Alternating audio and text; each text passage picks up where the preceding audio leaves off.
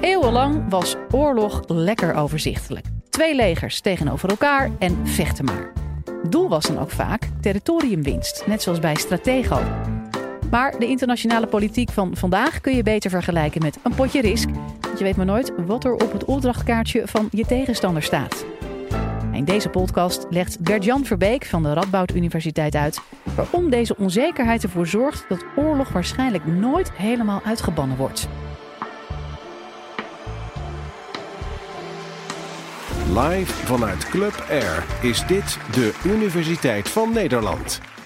Waarom zal er altijd oorlog zijn? Dat is een vraag die eigenlijk altijd al werd gesteld. Uh, sinds mensenheugenis hebben we het idee dat mensen, landen, volkeren oorlog met elkaar voeren.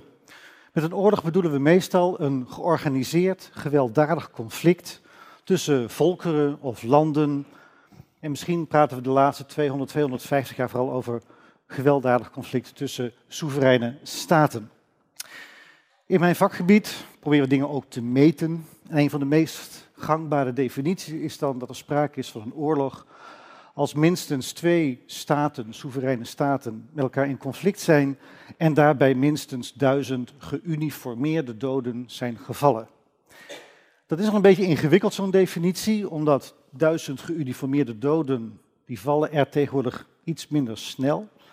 Omdat door de ontwikkeling van de militaire technologie, denk aan drones, uh, je relatief minder uh, dodelijke slachtoffers onder uh, legers hebt. En eigenlijk ook sommige oorlogen althans vrij snel, kort worden uitgevochten. Ik wilde eigenlijk het, de vraag proberen te beantwoorden door een, een parallel te trekken met bordspelen. Allereerst Stratego. Bij Stratego dat is natuurlijk een oorlog tussen twee legers van twee volkeren, landen, het blauwe en het rode leger. Het doel is duidelijk van die legers. Immers, wat moeten zij veroveren? het vaandel, de vlag. Dit zijn de doeleinden waar eigenlijk twee legers om vechten. En die twee vlaggen staan natuurlijk eigenlijk voor het territorium waarop die vlag wappert. En die symboliek die geldt nog steeds vandaag de dag. Want ook al hebben we misschien niet meer van die fraai geuniformeerde legers zoals het rode en het blauwe leger uit Stratego, de vlag is belangrijk.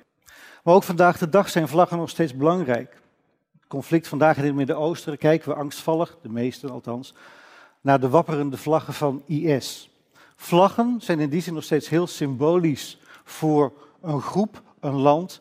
En het veroveren daarvan, het verliezen daarvan, geldt als bijna wel een schande zelfs. Toch is Stratego niet het goede spel, denk ik, om te begrijpen hoe de dynamiek van internationale betrekkingen in mijn vakgebied eigenlijk in elkaar zit. Daarvoor is het beter om te kijken naar het spel Risk.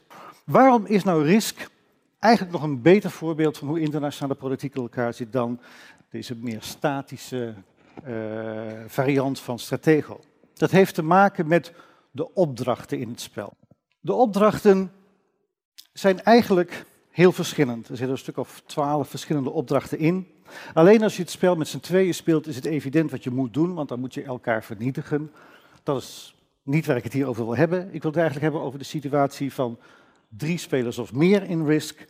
Omdat dan eigenlijk de clue van het hele spel is, het startpunt, dat je niet van elkaar weet wat de opdracht van de ander is. Ik heb hier een voorbeeld voor een opdracht voor over de werelddelen Azië en Afrika. Azië en Afrika, dan ben je de winnaar van het spel. Maar dat is niet de enige mogelijkheid. Er zijn veel varianten. Bijvoorbeeld vernietig alle groene legers. Onzekerheid dus over wat het precieze doel is van de ander. Wat de ware intentie van de ander is in de internationale politiek. En dat is precies eigenlijk de kern, wat veel mensen in mijn vakgebied eigenlijk vinden, van waar het in de internationale politiek om draait. Wat het zo problematisch maakt en wat ons doet begrijpen waarom eigenlijk op de achtergrond altijd de mogelijkheid van een gewelddadig conflict, een oorlog, meespeelt. Je weet uiteindelijk niet wat de ander echt bedoelt wat zijn uiteindelijke doel is in de internationale politiek. Is dat dan zo erg dat je dat niet weet? Wij weten toch ook niet allemaal van elkaar wat wij in ons leven willen bereiken? Dat is erg, omdat er, anders dan in onze gewone samenleving, er niet sprake is van een regering. In een land als Nederland is er een Nederlandse regering die een politieapparaat en een justitieapparaat tot zijn beschikking heeft om ervoor te zorgen dat als mensen zich niet aan de regels houden, dat ze worden gearresteerd, voor de rechter komen en worden gestraft. In de internationale politiek bestaat er niet zo'n wereldregering met een eigen leger, een eigen justitieapparaat en die ervoor kan zorgen dat staten die zich niet aan de regels houden, bijvoorbeeld de oorlog te gaan voeren, dat die worden gestraft. Het feit dat er niet zo'n wereldregering is, een term die we in mijn vakgebied noemen anarchie, die omstandigheid zorgt er eigenlijk voor dat staten op zichzelf zijn aangewezen om te overleven in dat systeem. Staten zijn eigenlijk ook de enige spelers in dat systeem, omdat zij eigenlijk het vermogen hebben, de capaciteit hebben om zich te organiseren, om zich te kunnen verdedigen.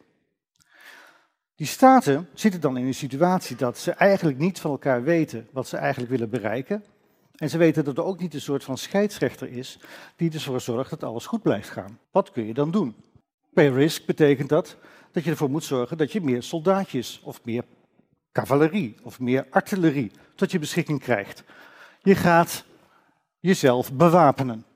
Dus bijvoorbeeld het Groene Leger plaatst tegelijk vijf stukken bij, omdat één cavalerie staat gelijk aan vijf infanteristen, en wordt daarmee een stuk sterker. Wat betekent dat voor geel en blauw? Die worden natuurlijk nogal zenuwachtig. Want aan hun grenzen verschijnt plotseling een heel sterk groen leger. Wat gaan ze doen? Het is niet meer dan logisch. Ook zij gaan investeren in een sterker leger, plaatsen meer soldaten in hun grondgebied. Om maar duidelijk te maken, val mij niet aan, of je loopt het risico dat je of wordt verslagen of in ieder geval daar een hele dure prijs voor moet betalen. Dat is eigenlijk al het beginsel van de wapenwetlopen die we heel vaak in de internationale politiek tegenkomen. En die wapenwetlopen zijn vandaag de dag aan de gang. In Oost-Azië is er een grote wapenwetloop tussen, laten we zeggen, Zuid-Korea, Noord-Korea, China, Japan. In Zuid-Azië is op dit moment een grote wapenwetloop aan de gang tussen India tegenover China. En op het mondiale niveau moet de VS dit wel bekijken met van, hé, hey, wat betekent dat voor mijn belangen in al die regio's? Vandaar dat de VS, wat ze zelf noemen de Asian Pivot, bezig zijn om eigenlijk hun aandacht te verleggen van Europa naar Azië. Juist omdat ze zich geconfronteerd zien met eigenlijk een toenemende bewapening door India en China, heel concreet. Dat is de, ene, de eerste mogelijkheid om, je, zeg maar, te, om te overleven in een systeem dat we anarchie noemen, waar geen wereldregering is. Een tweede mogelijkheid is om te proberen allianties aan te gaan. Ik ben zelf ook zo'n slechte riskspeler dat ik mijn medespelers vertrouw. En elke keer trap ik weer in de val dat uiteindelijk toch hun doel is om of mij te verslaan of op een andere manier het mij moeilijk te maken. Allianties zijn heel belangrijk in de internationale politiek, omdat je daarmee kunt proberen te overleven zonder dat je zeg maar, alleen maar investeert in een leger. Maar allianties brengen het probleem met zich mee dat je wederom eigenlijk niet heel zeker bent of uiteindelijk op de lange termijn jouw vriend of vriendin daadwerkelijk jouw vriend of vriendin blijkt te zijn. Allianties kunnen dus eigenlijk maar heel kortstondig zijn. En je moet voortdurend in de gaten houden wat er speelt. Voortdurend erachter proberen zien te komen wat de ware intenties van de andere partij is. Regeringsleiders van landen proberen een inschatting te maken van de ware intentie van de ander. Maar zien dat niet altijd goed. Regeringsleiders denken soms dat zij een vredelievende zet zetten door ergens een militaire basis toch maar te openen. Maar dat wordt door de ander juist niet als vredelievend geïnterpreteerd. Misverstanden, mispercepties, miscalculaties, dat zijn de belangrijkste oor, uh, oorzaken in, deze, in dit verhaal waarom er soms toch oorlogen ontstaan. Daarom ook is het belangrijk om te kijken naar wat leiders doen, politieke leiders, hoe zij denken en hoe zij beslissingen nemen. Zouden we nou altijd met oorlog te maken hebben? Als je dit verhaal aanhoort, word je heel pessimistisch. Er is een, een stroming in mijn vakgebied, ze noemen zichzelf de realisten, waardoor dat woord moeten zich verder niet laten intimideren, want dat hebben ze zelf verzonnen, dat ze realist zijn. De realisten die zeggen van ja, zo zit het spel nu helemaal in elkaar, die wereldregering die zal er nooit komen, die fundamentele onzekerheid die is er nu eenmaal. En dat betekent dat het risico op oorlog bestaat. En het enige wat je dan kunt doen, is om met die alliantievorming heel voorzichtig te proberen om het machtsevenwicht in de wereld te bewaren. En alleen het bewaren van het machtsevenwicht zorgt er uiteindelijk voor dat er geen grote conflicten zullen ontstaan als je het spel goed speelt. Andere denkers in dit vakgebied hebben gelukkig een iets optimistischer kijk. De liberalen zeggen bijvoorbeeld, nou, je kunt er wel iets aan proberen te doen. En ze hebben twee oplossingen. Het eerste is dat ze zeggen, je zou kunnen proberen om allerlei internationale organisaties op te richten. Als staten voortdurend met elkaar overleggen in internationale organisaties over allerlei problemen, dan komen ze er langzamerhand achter wat de waarde, intenties en bedoelingen van die staten zijn. Dat je misschien best wel kunt samenwerken met een staat, ook best op de langere termijn. En dat je daardoor niet zeg maar, een wantrouwen tegen die staat hoeft te ontwikkelen en je iets minder zorg hoeft te maken over militaire zaken. Een liberaal heeft nog een andere oplossing. Hij zou zeggen, of zij zou zeggen, nou, als je dan over zorgt dat de staten in deze wereld allemaal democratieën zijn, dan wordt de kans op oorlog ook veel minder.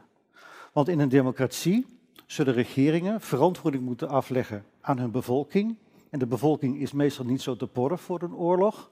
Dus naarmate er meer democratieën zijn, zullen er minder oorlogen zijn. En inderdaad, uit beroemd onderzoek blijkt dat democratieën geen oorlogen met elkaar voeren. Als je dit toepast op het spel van Risk, dan zou je kunnen zeggen, nou, we stoppen er gewoon een kaart bij. Dat kan. Er zijn kaartjes die je zelf kunt invullen voor Risk. En je zou bijvoorbeeld kunnen zeggen, nou, we stoppen een opdracht bij. Je mag alleen je legers verzetten naar dat land als je toestemming hebt van de meerderheid van de spelers. Dan doe je er een soort Verenigde Naties kaart in. Of je zet een kaart erin als, nee, je mag alleen maar oorlog voeren als je toestemming hebt van je bevolking. Dan heb je een soort binnenlandse politieke kaart erin. Er is nog een derde stroming. Dat zijn de constructivisten. De constructivisten die zeggen eigenlijk, nou, die anarchie, dat gebrek aan een wereldregering, dat is er wel. Maar of dat nou wat uitmaakt, dat maken die staten zelf onderling wel uit. Dat hangt eigenlijk heel erg af van hoe die staten, wat die van elkaar vinden, hoe ze naar elkaar kijken. En wat voor consequenties ze aan die mening over die andere staat uh, verbinden. Als staten bijvoorbeeld elkaar zien als aardsvijanden, Iran bijvoorbeeld doet, heeft traditioneel nogal lelijke uitspraken gedaan over Israël en tot voor kort ook de Verenigde Staten, waaruit het wel leek alsof ze ze daadwerkelijk haten en van deze wereld zouden willen doen verdwijnen. Als staten elkaar haten, ja, dan zit je dichter misschien bij een oorlog. Maar naarmate staten elkaar vrienden vinden en een historie hebben van vriendschappelijke relaties, is het minder waarschijnlijk dat er zo'n problematische relatie tussen die staten zal ontstaan. Constructivisten achten het mogelijk dat staten dus eigenlijk aan dat, dat probleem van die onzekerheid ontsnappen naarmate ze in staat zijn op basis van bijvoorbeeld wederzijds respect en gedeelde idealen om een positief beeld over elkaar te ontwikkelen en daarmee eigenlijk de noodzaak tot militaire kracht uh, weten te verminderen. Ook dat kunnen we eventueel in een riskkaart vatten. Door te zeggen, je mag wel oorlog voeren, maar niet met een staat waarmee je al meer dan 100 jaar bevriend bent. Kortom, risk begint eigenlijk als een spel waarbij het automatisch tot oorlog zal leiden, maar we kunnen het spel veranderen. Wil je nou meer afleveringen van de Universiteit van Nederland horen? Check dan de hele playlist en ontdek het antwoord op vele andere vragen.